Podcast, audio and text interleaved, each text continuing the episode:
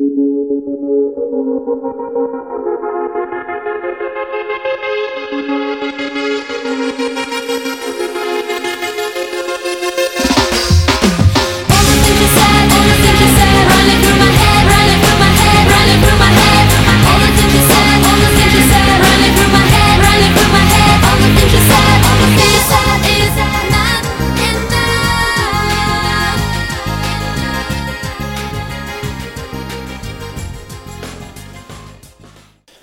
välkommen till podcasten Komintern. Eh, idag har vi gäst med oss.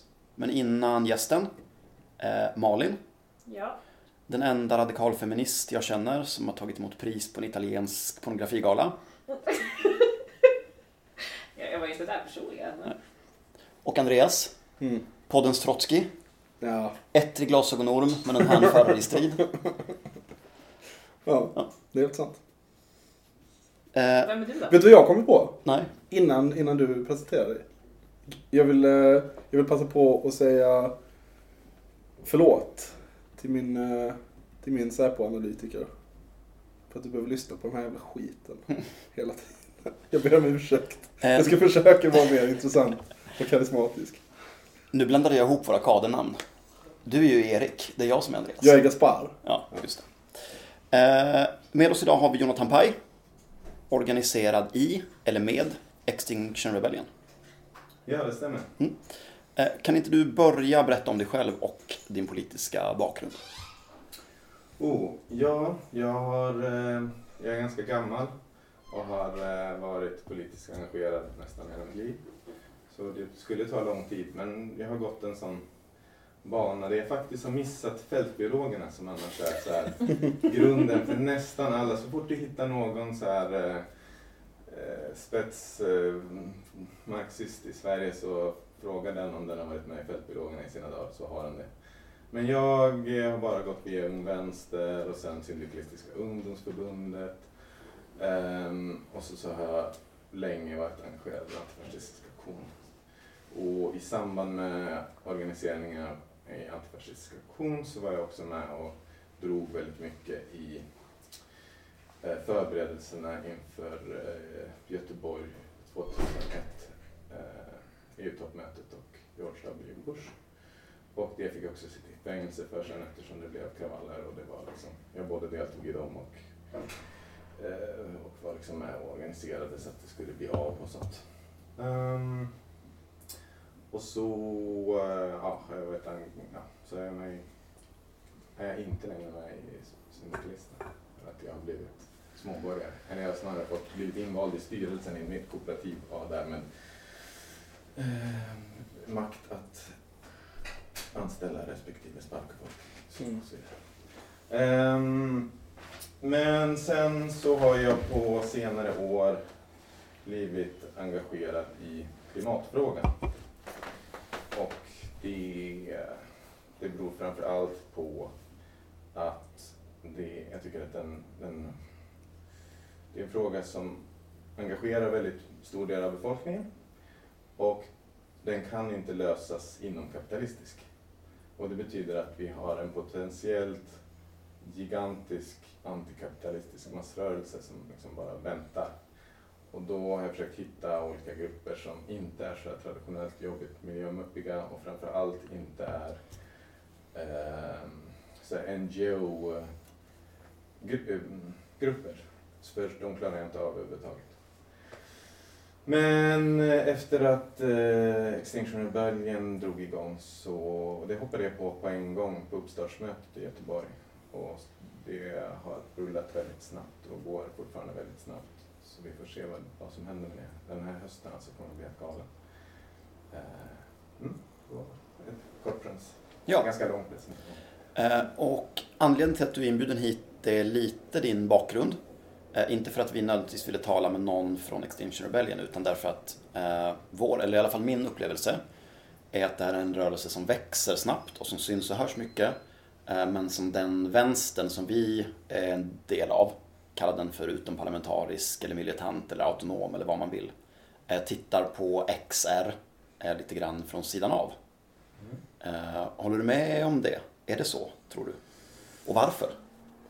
Det är ju i alla fall så att, alla som, att få av de som engagerar sig i Extinction Rebellion är liksom gammal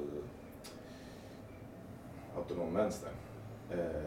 Utan, och jag kan tänka mig, både att eftersom kraven är, ganska, är lite luddiga och det finns en viss liksom det, det här med civil olydnad, det är lite så här hippiestuk över det hela. Jag kan, jag kan förstå hur folk inte riktigt förstår varför det här är en sån lysande smart plan. Eh, om man inte liksom eh, läser på lite grann eller, eller, eller frågar folk vad som är meningen med saker så det håller jag med om att det är nog är lite vid sidan av och folk inte riktigt vet vad de ska tycka. Det har ju gått så himla fort också. Vi startade i oktober 2018, det har inte varit ett halvår Det har ändå blivit 200 undergrupper ute i hela världen. Inte så mycket aktivitet i Kina. Men Buenos Aires har en aktiv grupp och ganska många afrikanska länder också är aktiva i Extinction Rebellion. Men vilka är de där kraven? Mm. Men det, det finns bara tre krav som, som, som sagt var låter lite larviga. Det ena är Tell the truth. Som bara går ut på att, man, att eh, regeringar och kommuner ska utlösa klimatnödläge. Det in, ja, att, att man ska acceptera att det finns en, en kris och att den måste hanteras på något sätt. Det, det känns som att det kan vem som helst göra. Det gjorde Justin Trudeau dagen innan han tillät en gigantisk eh, pipeline att byggas. Så det är, liksom, det är bara ord. Man kan tycka att det inte betyder så mycket. Men sen den andra, det andra kravet är eh, alla eh, växthusgaser ska eh, ner på netto noll till 2025. Vilket är fem år kortare än vad eh, FNs klimatpanel säger att behöver göras. Och det är för att eh, låta fattigare länder få fem år av oss i den rika världen. Och det tycker folk snarare är helt absurt omöjligt. Att, det är en, att man kan inte ens sikta på det för det går inte att genomföra.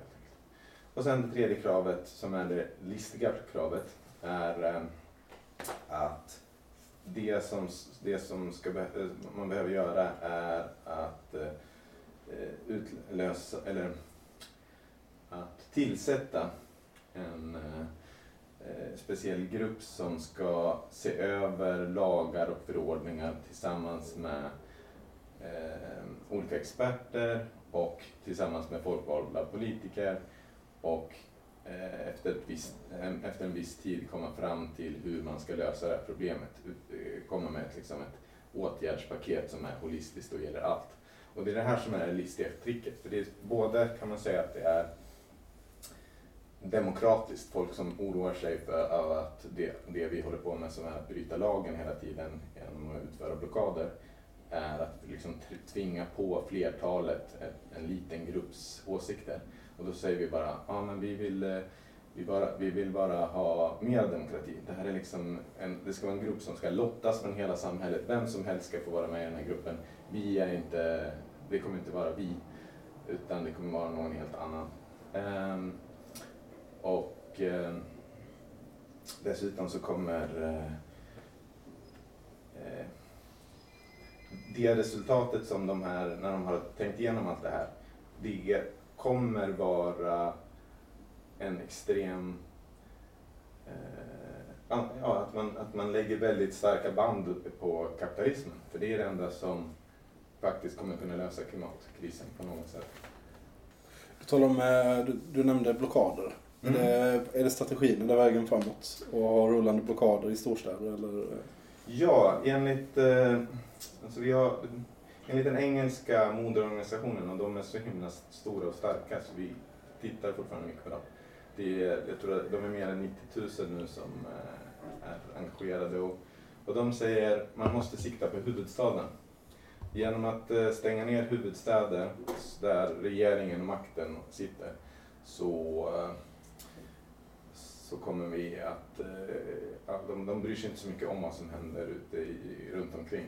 Vilket vi, vi i Göteborg som är en mycket starkare grupp än Stockholmsgruppen tycker att det känns eh, trist att det ska behöva vara så att vi ska åka till Stockholm för att göra så. Men det gör vi inte bara heller, men vi var i alla fall med delvis och hjälpte till i deras, eh, i deras blockad då i april när vi hade vår förra. Men det finns också en kritik. ehm, engelsk vänsterpodd som heter Novara Media som är lite Jeremy Corbyn. De, de klagar på Extinction Rebellion för att man väljer att sätta sig i vägen för vanligt folk, vanliga trafikanter och folk som vill till jobbet. Istället för att ge sig på de företagen som faktiskt eh, gör skada på miljön och eh, bankerna som finansierar hela sånt. Extinction Rebellions svar på det är att om vi till exempel siktar på oljeindustrin och ett specifikt projekt för ett specifikt företag så kommer det alltid komma något nytt. De, eh, engelsmännen har tittat på hur frackingindustrin i, i Norwich har liksom, något enskilt projekt har stoppats, ett företag har inte fått chansen att, att göra sina liksom, eh, provborrningar just där, men det kommer alltid något annat. Luften går ur motståndet och till slut så lyckas de få igenom det här. Det, vi siktar på att man siktar hela tiden på den lagstiftande makten. Det är, liksom, det är staten som kan totalförbjuda och därför så är det liksom eh, alla aktioner egentligen riktade mot staten. Meningen är att folk ska att tillräckligt många människor ska vara beredda att eh, bli arresterade och eh, därmed liksom överbelasta stats, statsapparaten. Nu, nu, det gjordes ju i London i tio dagar i april och i oktober så ska vi sikta på London, New York, Washington, Berlin, Paris och kanske Madrid och Amsterdam. Så också stänga ner de städerna igen. Eh, vi får se hur det går. Jag- tänkte på nu när du talar om uh, auktionsdagar. Mm. Det hände ju någonting i Göteborg eh, nu i september. Precis, i början av september.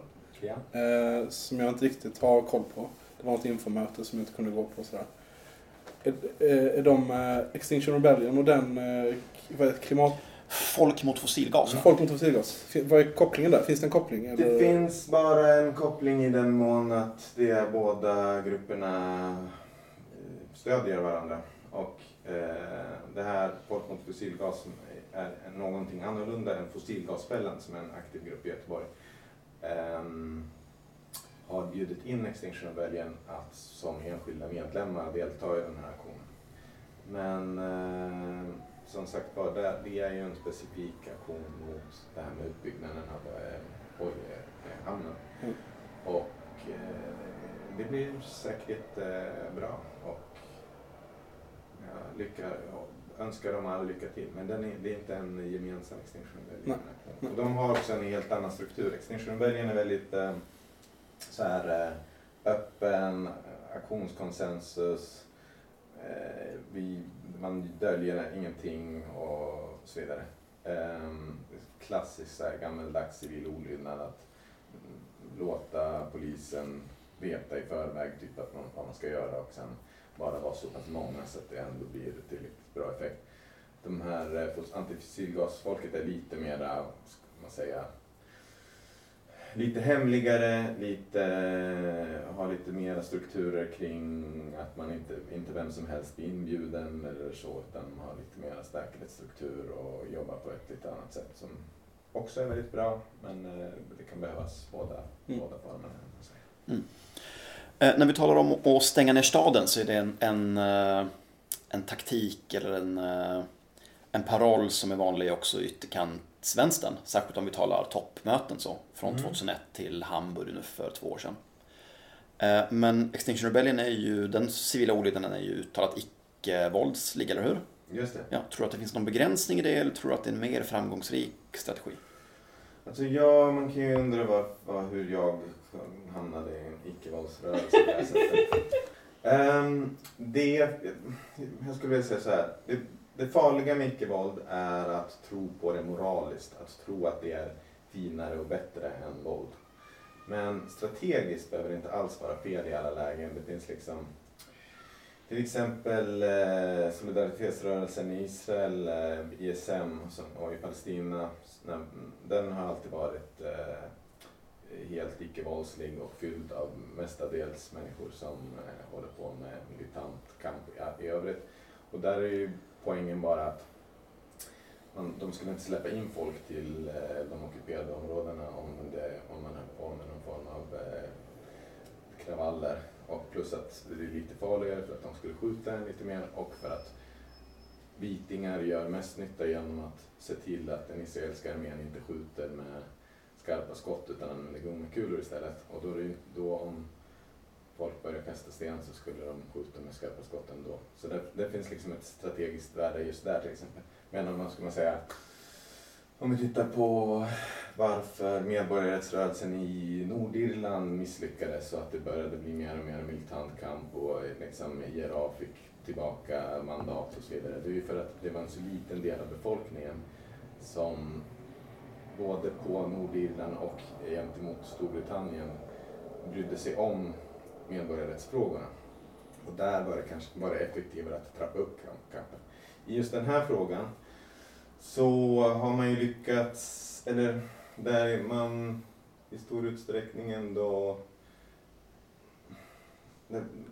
Vänstern söker alltid allierade, särskilt den vad ska man säga, radikala vänstern är ju aldrig tillräcklig i sig självt. Eh, det är vi en liten, liten klick med människor som försöker få andra att på något sätt röra sig lite grann åt vårt håll. Och inom Extinction Rebellion så är, är ju den här, de här allierade i ganska stor utsträckning liksom den vanliga ängsliga medelklassen. Men vi, vi försöker få människor som tycker att det är viktigt att typ sopsortera och att cykla mer än åka bil, att också sätta sig mot staten och bryta mot lagen. Och det här har varit ganska effektivt. Men det skulle vara svårt att få samma grupp att liksom bilda black blocks, om man säger. Och det skulle inte heller... För att de bara har batikkläder? Det behövs inte riktigt heller. Alltså, som sagt var, den här Londonaktionen som ändå, av en organisation som hade funnits i fyra månader. I tio dagar så polisen arresterade 400 pers. Det kom 400 nya som satte sig i vägen på samma ställe. Och de bara, ja nu börjar det ta slut på celler, vi har liksom för lite övertid åt polisen. Det, det, den, bara för att, det, att man har moraliskt rätt att använda eh, mer än icke-våld så behöver det inte vara strategiskt riktigt. Och i det här fallet tror jag att det är väldigt smart att använda icke-våld. Sen har, vet jag att det kommit kritik från brittisk avgrundsvänster, jag säger det med kärlek, mm. eh, om, om eh, hur, om det här med att låta sig arresteras. Ja. Det kan jag tänka mig att det, kan, det är någonting som många i Sverige också, om man snappar upp den kritiken, eh, säkert har funderingar kring. Är det någonting som, som det har talats om i Sverige? Eller? Ja, alltså det här är ju... Det är en del i att det här att rörelsen är gammeldags civil olydnad i den formen av att man liksom låter sig arresteras. Det är inte för att, så mycket för att staten har rätt, så, det, så var det i den första gammeldags civila olydnaden staten har liksom rätt att eh, stifta lagar och det är odemokratiskt att, inte, att bryta dem. Så för att få bryta dem så måste man ta sitt straff och eh, plädera för sin sak i, i rättssalen. Det är ju ett extremt liksom, liberalt och naivt perspektiv. Så det är inte riktigt det som är syftet här, utan det som är syftet här är delvis att återigen så kommer det från England, från moderrörelsen och där har de haft väldigt mycket eh, infiltration av poliser i miljörörelsen. Så många av de här som har blivit Extinction Rebellion som förut var andra former av liksom, trädkramande hippies på något sätt, eh, känner de här poliserna som typ gick in och fick barn med aktivisttjejer och sen golade ner, eller rapporterade på hela rörelsen och sånt. Och lite grann så har man tänkt så här, vi kan vara så många, vi kan bli så många tusentals så vi måste, vi måste liksom inte vara så här hemliga och utan vad vi gör är att vi bara överväldigar dem. Om, om vi sprider ut det på tillräckligt många och säger till polisen i förväg så bara, ja ah, men nu, nu tänker vi vara här och här. Fast vi kommer vara 5000 så även om ni griper 2000 av oss så, äh, ja, så, så kommer vi vara för många. Och det här, i det här ingår lite grann att en stat... Att, det här med att bryta lagen är väldigt viktigt. Eh, det är ingen, ingen protest som inte bryter... Eh, extinction Rebellion har från början sagt så här. Vi gör inte, aktion, vi gör inte demonstrationer, vi gör inte eh, saker som inte är, som bryter mot lagen. För det är meningslöst. Det måste bryta mot lagen. Och syftet med det är lite grann att liksom staten är, eller i alla fall den väst, de västerländska liberala staterna är eh, sårbara för massrörelser som bryter mot lagen och låter sig arresteras. Ehm, jag vet inte riktigt om man, om man inte hade låtit sig arresteras, som, utan att om man hade gjort saker som var eh, som kanske inte heller innebar våld, men att man gjorde eh, sabotageaktioner och sånt och sen smet och gjorde någonting annat. Det är ju inte fel, det är ju inte dumt. Men det har inte riktigt samma möjlighet att nå mass, eh, samma masseffekt. Men finns det typ så här solidaritetsarbete med att betala varandras böter och insamlingar och sånt också? Ja, och det är ett stort problem.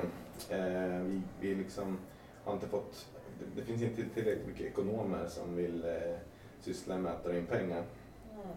Så det, det är liksom den största, i alla fall i Göteborgsgruppen, så är det vårt största, det vi måste ta itu med mest. Eh, att få igång solidaritetspubbar eh, och eh, ja, dra in pengar på andra sätt till de här böterna. För grundidén är att allas böter ska eh, betalas solidariskt. Och det är ganska dyrt. Är det mycket folk som har fått böter? Nej, de, det är ganska många som har blivit kallade till förhör. Eh, hittills har ingen dömts för något, men det kommer väl för att det är ju så här uppenbara saker som man hör. Det, det, är ju, det som folk gör är ju eh, ohörsamhet mot ordningsmakten. Mm. Det får man typ ställt till kanske 50 dagsböter om de vill vara extra hårda, om det är mycket Sverigedemokrater i, i nämnden. Mm. För den, den radikaliseringen som du talar om tycker jag är intressant. För Jag har funderat lite på civil olydnad idag. Och dels så finns det någon slags, så instinktivt så får jag ju lite ont i hjärtat när jag, eh, som är van att få en del stryk av polisen, ser en så sittblockad där alla har ett trevligt samtal med en konstapel som verkar vara införstådd innan med vad som ska hända och sådär. De ser alltid glada ut också på bilderna. Ja, ja. Får jag bara säga en kort sak om det? Jag har alltid valt att vara poliskontakten i de här lägena. För jag tänker att andra människor de kan gå på vad de här... Eh, liksom, eh, jag, jag tänker så här, det, det är bäst att ha någon som har fått tillräckligt mycket stryk av tillräckligt många poliser. För att alltid ha det här hatet i bakhuvudet. För då när man ler och pratar och är så här diplomatisk då ska man bara göra det utifrån verkligheten och inte efter vad polis, liksom, den drillade dialogpolisen säger om sig. Just det. Ja, det är helt okej. Vi- Du är ju här för dina inlägg så det är bara bra. Eh, Men å andra sidan så tänker jag, om jag ska se på det ur ett större perspektiv så är det ju, är det ju ingen som är kritisk idag mot eh, Rosa Parks val av taktik till exempel. Då delvis eftersom hon var en del av en större rättighetsrörelse som hade då dels en militant väpnad gren och sen någon slags civil olydnadsgren. Tror du att den radikaliseringen av personerna i XR Eh, kommer att kunna leda till att XR kan så samexistera med en mer eh, militant antikapitalistisk eh, miljörörelse? Det hoppas jag verkligen. Alltså jag, jag tycker ju att det här milda att sätta sig ner i vägen, det, det är ju det som ska vara lagom och mellan och passa sådana här som mig, småbarnsföräldrar. Men, och, och Sverige älskar ju lagom, så helst skulle det ju finnas någonting, de, de onda. Jag har ju ofta sagt det också när jag, när jag var med i AFA, jag var, men det är väldigt viktigt att ha några som är längst ut som äter bebisar som alla kan klaga på. För det innebär att allting inom det får liksom mera utrymme. Mm. Men så fort man stänger ner det mest radikala då blir det näst mest radikala som, som börjar ta stryk och få Twitterhögen och, och hata. Liksom. Så jag skulle gärna se att, att uh, Extinction Rebellion var det här uh, mass, massupproret i mitten och att man hade mera militanta grupper vid sidan av. Samtidigt, alltså Extinction Rebellion, Storbritanniens nästa aktion att stänga ner alla flyg till och från Heathrow en hel dag. Det är ju inte liksom små saker som planeras och folk som, när, när, eh, när sektmarxisterna börjar kalla det för så här eh, meningslösa hippies. Jag var, okej, alla små sektmarxistsekter som klarar av att stänga ner Heathrow en hel dag får räcka upp en hand och då kan vi börja diskutera. Och annars så kan ni fortsätta posta Stalin-memes på internet istället. Mm. Eh, Men XR Sverige har en 10-punktslista också. Ja, Mm. alltså det, den, det har i Storbritannien också. Ah, det är, den är samma kanske? Det är samma. Ja. Den är bara liksom, den tycker jag är rätt flummig. Den handlar mest om så hur man ska bete sig, att alla ska vara snälla mot varandra och att alla får vara med. Och eh, I princip så är det väl lite grann någon form av innebyggd anarkism. Att det här är en decentraliserad rörelse, vi har inga ledare och eh, ja, så, så är det en del om att vi måste vara, vi får inte eh, skylla på enskilda individer och så ska vi alla ta hand om varandra. Det, det är ganska, det är lite luddigt faktiskt. Det, den, det är inte det som är det, här, eh, det smarta och nya i Extinction Rebellion. Utan det smarta och nya är den här eller medborgarförsamlingen, de här som ska lottas ur hela befolkningen och sen komma fram till hur vi löser klimatfrågan. Vilket är ett extremt smygigt sätt att säga att vi måste avveckla kapitalismen. För, det, för vi säger så här, ja men eh, vilken sverigedemokrat från Eslöv som helst får bli invald i den här gruppen eh, via lott, lotteri. Och i bakhuvudet så tror vi att ah, den här personen kommer aldrig med sina argument kunna eh, genom, eller han, han kommer antingen övertygas om att vad som faktiskt behöver göras eller så kommer han åtminstone inte kunna få igenom sina egna argument för varför man inte ska göra någonting. Så det är liksom ofarligt att, att eh, den här gruppen består av sådana människor.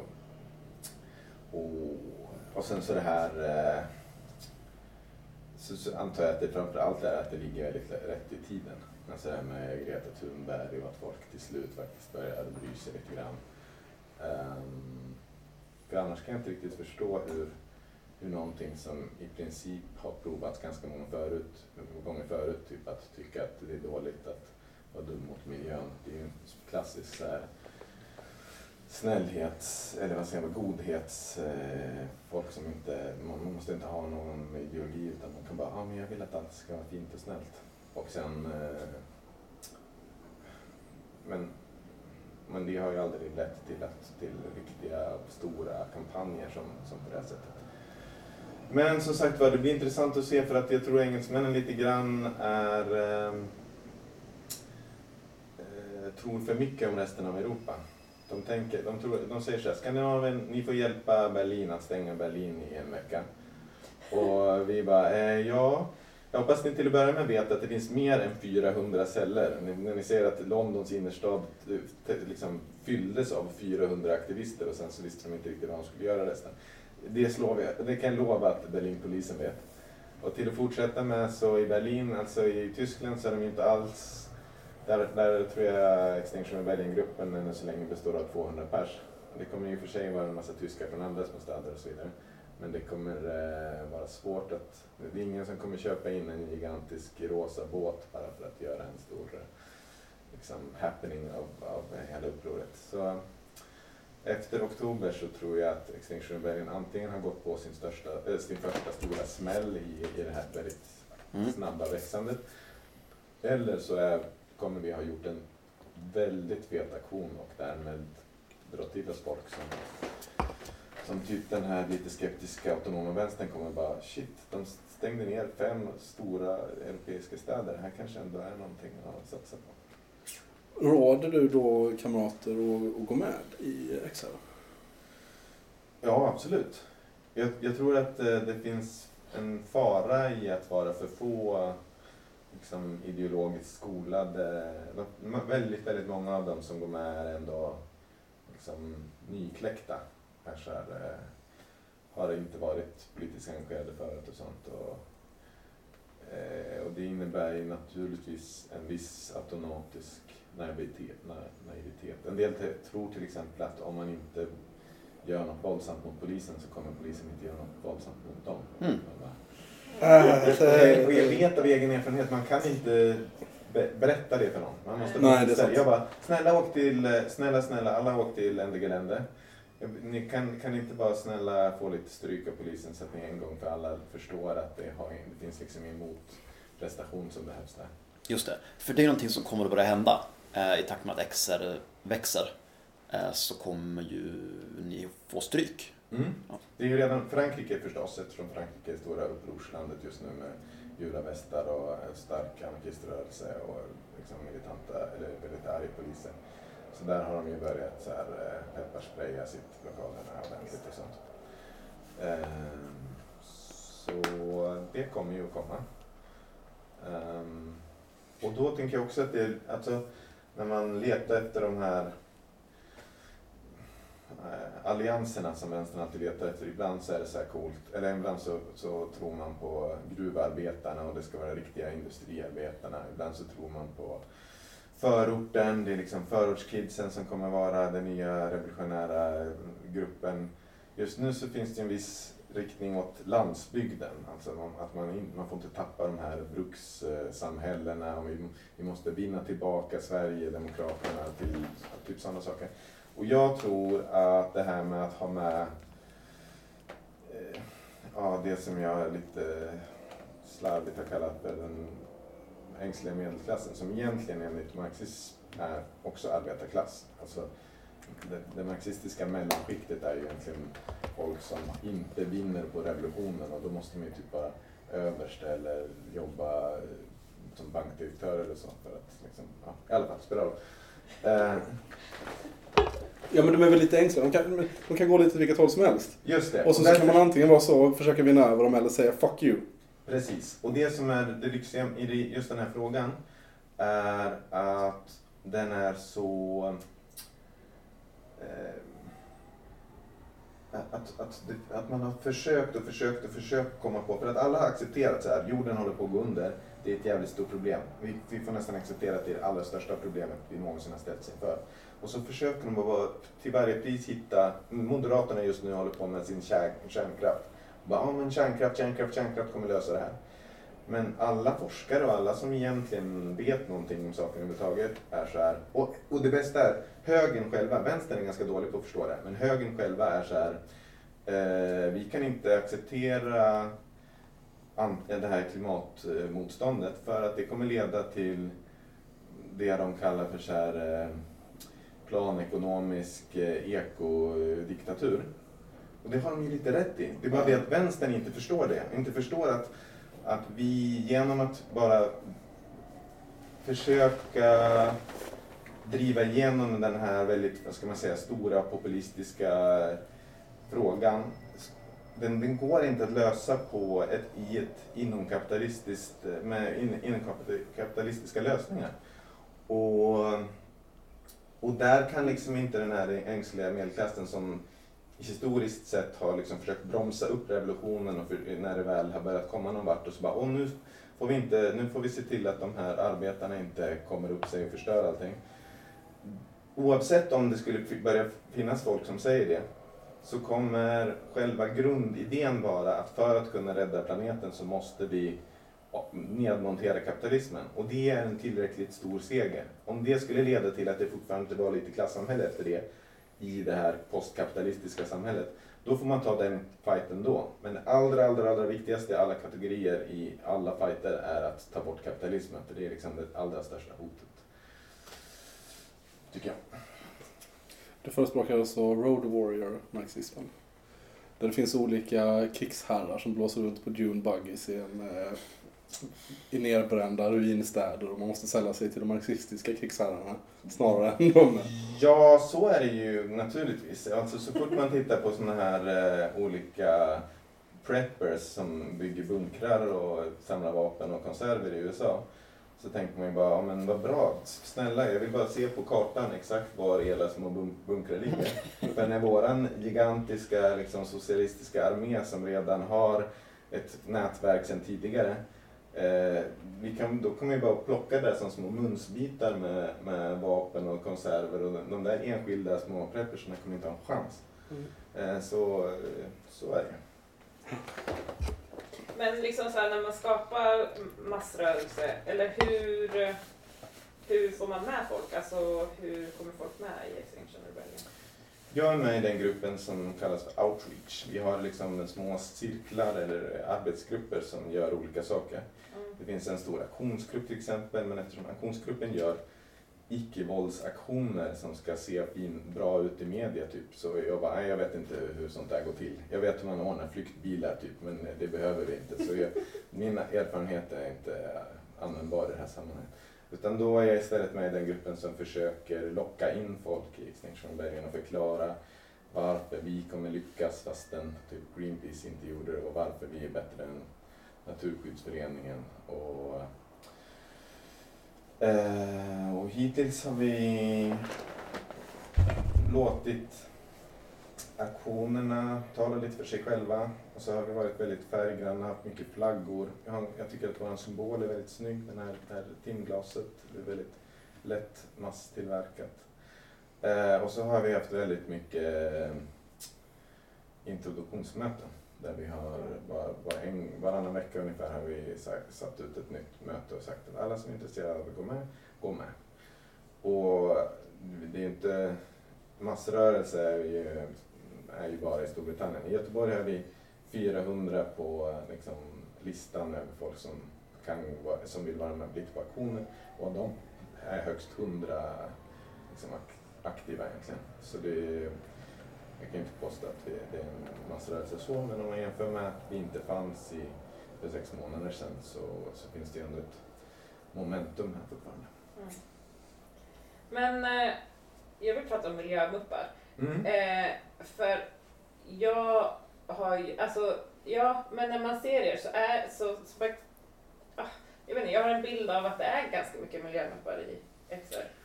Är det för att de syns mer? Menar du att när du ser våra aktioner här i Göteborg eller i allmänhet? Jag tror jag pratar Göteborg. För där i Göteborg är faktiskt den minst muppiga gruppen tror jag. Är det sant?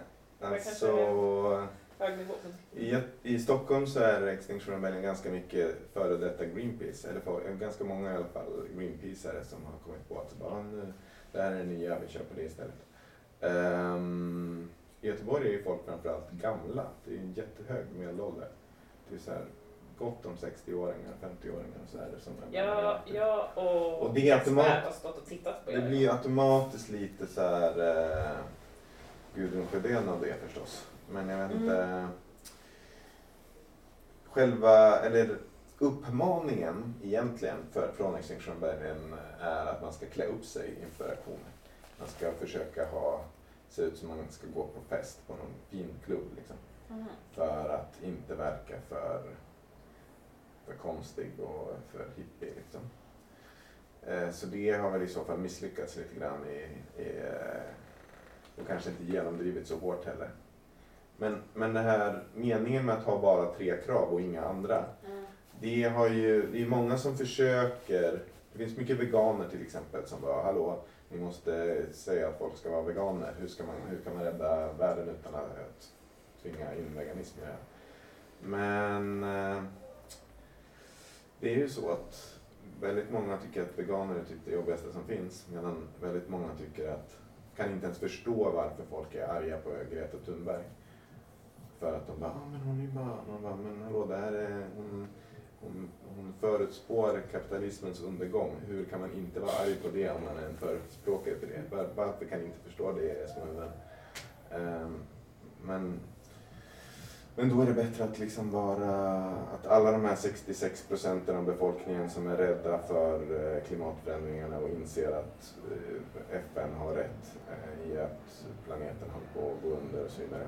Ehm, det, är bättre att alla de ska få vara med. Man ska liksom inte ha någon ska inte finnas några subkulturer. Det ska inte finnas, du ska kunna göra precis det du gjorde förut och hålla på med din kennel och din bordtennis eller vad det är du har för hobbies och inte känna att du behöver ha en viss identitet för att ingå i det, i det här sammanhanget. Man ska bara sätta sig ner lite, blockera lite vägar, bli lite gripen, göra det några gånger om året. Så kan man göra andra saker vid sidan av. Och det, och det kommer räcka för att vinna. Och det har gått ganska så bra i London. Alltså Storbritannien har redan försökt genomföra eh, det här eh, eh en, en eh, nedbantad version av eh, medborgarförsamlingen som egentligen går ut på att man bara ska ha lite som så här eh, de polska fackföreningarna inom Solidaritet, att, de ska, att det ska finnas så här trivselklubbar som får säga lite saker. Ungefär en sån ska man eh, inordna där, man, där några miljöfolk ska få säga saker som är lite rådgivande till politikerna. Så det är viktigt att i det läget eh, sätta hårt mot hårt och, och ins- eller förklara att det här måste eh, implementeras för att man ska gå med på det. Och eh, sen kommer ju det riktiga upproret efter att regeringen har vägrat att göra det här, de här väldigt drastiska åtgärderna som kommer behövas eh, sättas åt. Men då har man det här, vad ska man säga, demokratiska ursäkten till sitt uppror också. Nej, men jag vet inte, jag kanske hoppade över din hippie-fråga lite grann. Alltså, jag, Det är jag, det är klart att de allra första som hoppar på sådana här saker och liksom söker sig till en sån här rörelse eh, kommer vara sådana som har varit engagerade i olika så här, eh, ekologiska föreningar förut. Men det är ganska många, jag skulle påstå att det är en för- försvinnande liten del om man jämför med hur det har fungerat i massa andra organisationer. Men till exempel Miljöförbundet Jordens Vänner som annars är en bra organisation är, är mycket mer, vad ska man säga, så här lite jobbigt typ igen. Ja, den var jävligt jag. Mm. Det är inte helt hippiefritt i vår rörelse heller. Nej, det är det verkligen inte. Oftast kommer de på efter ett tag hur praktiskt och snyggt svarta vindjackor är. Eh, Tycker du att vi har missat något Jonathan? Eller har du någonting som du vill eh, pusha för som händer snart? Om Eh, snart, så det finns en risk att det här avsnittet släpps först i augusti kanske? Ja, jag kan säga watch out för den stora aktionen i Sverige den 24 augusti. Som trots allt mitt snack om eh, civil olydnad och bla bla, öppenhet, så är den fortfarande hemlig. Men det är för att eh, det, det är ett planeringsstadie som är lite, mm, lite eh, det, skulle göra skada om alla visste om den aktionen just nu. Men om ni gärna vill eh, liksom kasta er in i Extinction Rebellion och vara med på en stor fet aktion som alla i Sverige kommer att lägga märke till. Så eh, hör av er lite innan den 24 så kommer ni kunna vara med i det. Mm. Har ni något mer? Nej, jag känner mig nöjd. Eh, jo, eh, jag frågar om klimatrörelsen. Alltså den är jättevit och det jag tycker inte att den speglar arbetarklassen. Och jag undrar, för jag skulle också typ, eh, eller jag är sugen på att gå in i ett nytt projekt och så, jag är lite mellan, mellan Mm. grejer. Du har ju inte nog. Jag har inte nog. eh, men jag vill liksom inte göra det för att jag tycker att eh, det liksom inte för, alltså, det, alltså själva temat och klimatet och sånt berör ju alla. Men vilka som utför den berör ju inte alla. Eller så här, jag skulle... Du tycker att den, eller den, Det, det, det, det var därför jag pratade om så här, ja, och det var därför jag pratade om så här hur man rekryterar, hur man blir en massrörelse. För jag vill veta hur man gör. För jag tycker typ att den autonoma vänstern är till exempel väldigt så heterogen. Och, eh, och jag tycker att det är ett problem för att det, det blir inte homogen? öppen. Liksom. Ja, homogen. Den är inte alls heterogen. Mm. Ja, och det är, ett, det är sant helt enkelt. Jag ska inte Mm. låtsas att det inte är så. Ehm, det, det är lite svårt att omedelbart göra åt. Vi har, det finns, vi har ju folk förstås. eh, i, som, Alla rörelser har sina alla, man har, man kan, vem som helst kan eh, slänga fram några. Ja. Men, men eh, det, vi diskuterade på vårt senaste stormöte. Mm. Och där så hoppas vi att vi... Ännu så länge så har vi nämligen bara haft de här introduktionerna som, som folk får hitta. De måste liksom Mm. aktivt söka sig till Extinction Rebellion. Nu tänker vi börja ha en kampanj där vi går ut i skolor. Försöka nå nå gymnasieungdomar och i viss mån har vi också siktat på kyrkor. På Mm. eh, klimatkyrk. Vi har upptäckt att kyr- eller så här, typ, eh, kristna klimatgrupper är oftast väldigt radikala och snabba med att gå med på civil olydnad. Eh, och, och ser, det är alltid bra att ha en biskop när, när man ska ställa någon längst fram som ska få bli pepparsprayad och sådär. Ja, kristna Eh, och men-. Men, eh, och där, där bland de kristna kan vi också få med oss mera eh, Eh, en mera hetero, eller liksom, Mm. kan det bli mindre vit medelklass av det hela. Um, men annars så är det... Ja, jag- är lite osäker på hur, hur man ska kunna va- få in eh, folk. Hur vi ska kunna göra den eh, Ja, jag tänker typ så här, det är ju svårt att typ rekrytera folk på grund av hur de ser ut eller så här, för att det är dels essentialistiskt och dels är det ju bara konstigt att hålla på så. Men eh, jag tänker typ att man får skapa någonting som är mer gemensamt redan från början. Och, och, och då skulle man ju kunna göra det inom klimatfrågor också. Men jag kan liksom bara inte komma på vad det skulle kunna vara som är mer så.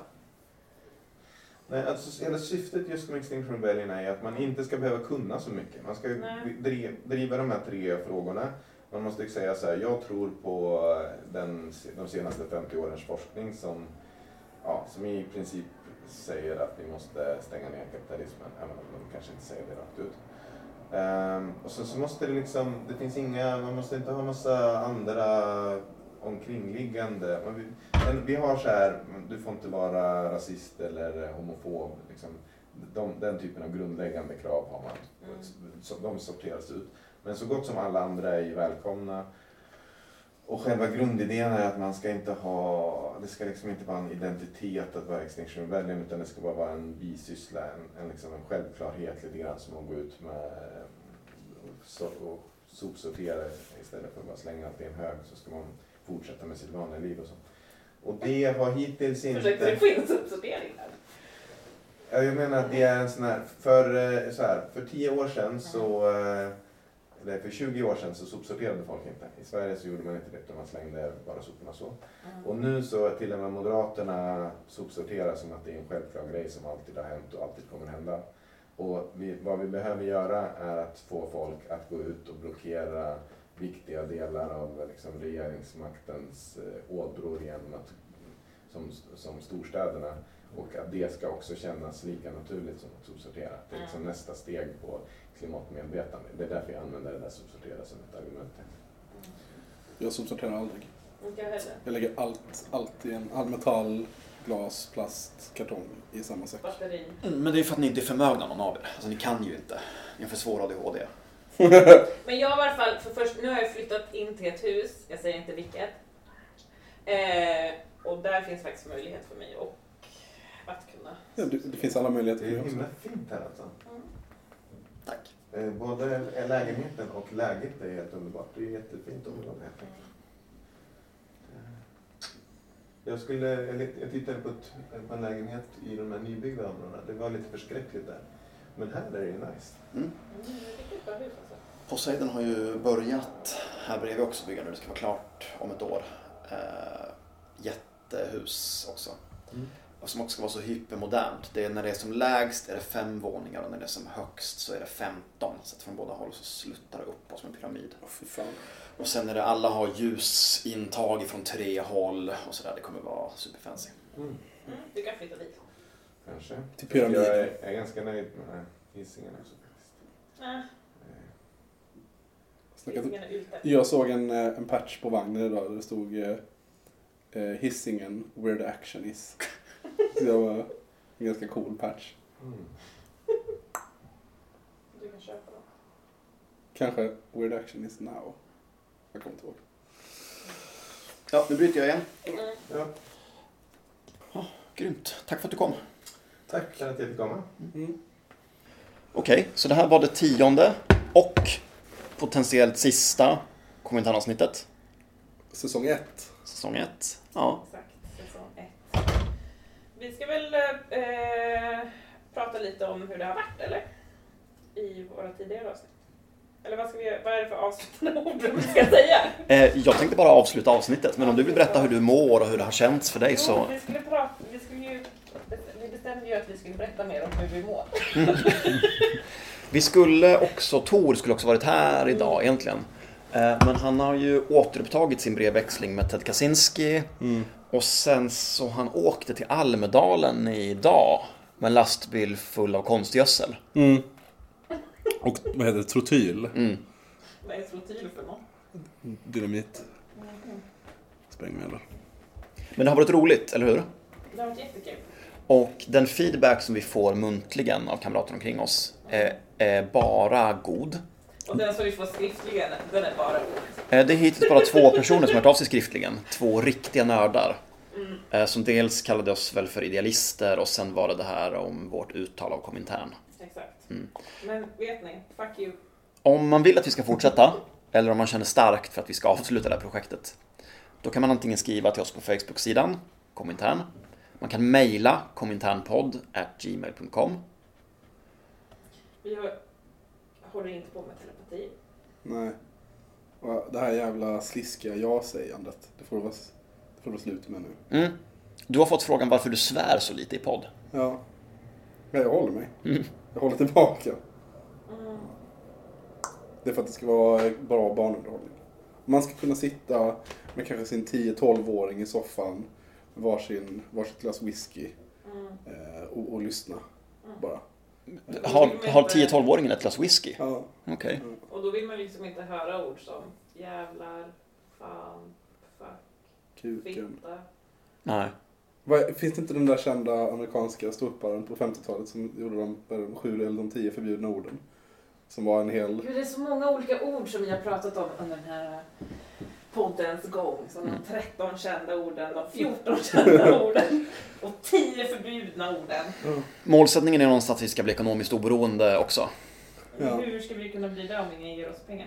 Eh, tänk, först ska folk börja lyssna, tänker jag. Och sen ska de vilja betala. Jag har ju tyvärr upptäckt att eh, erotiskt kapital inte betalar hyran. Och du har inte lyckats sälja dina tjänster till... Tack, mamacita. Eh, ska vi tacka för oss, eller? Ja. Okej. Eh, glad sommar. Eh, glad sommar. Det här var Komintern. Fuck the police. Hej då.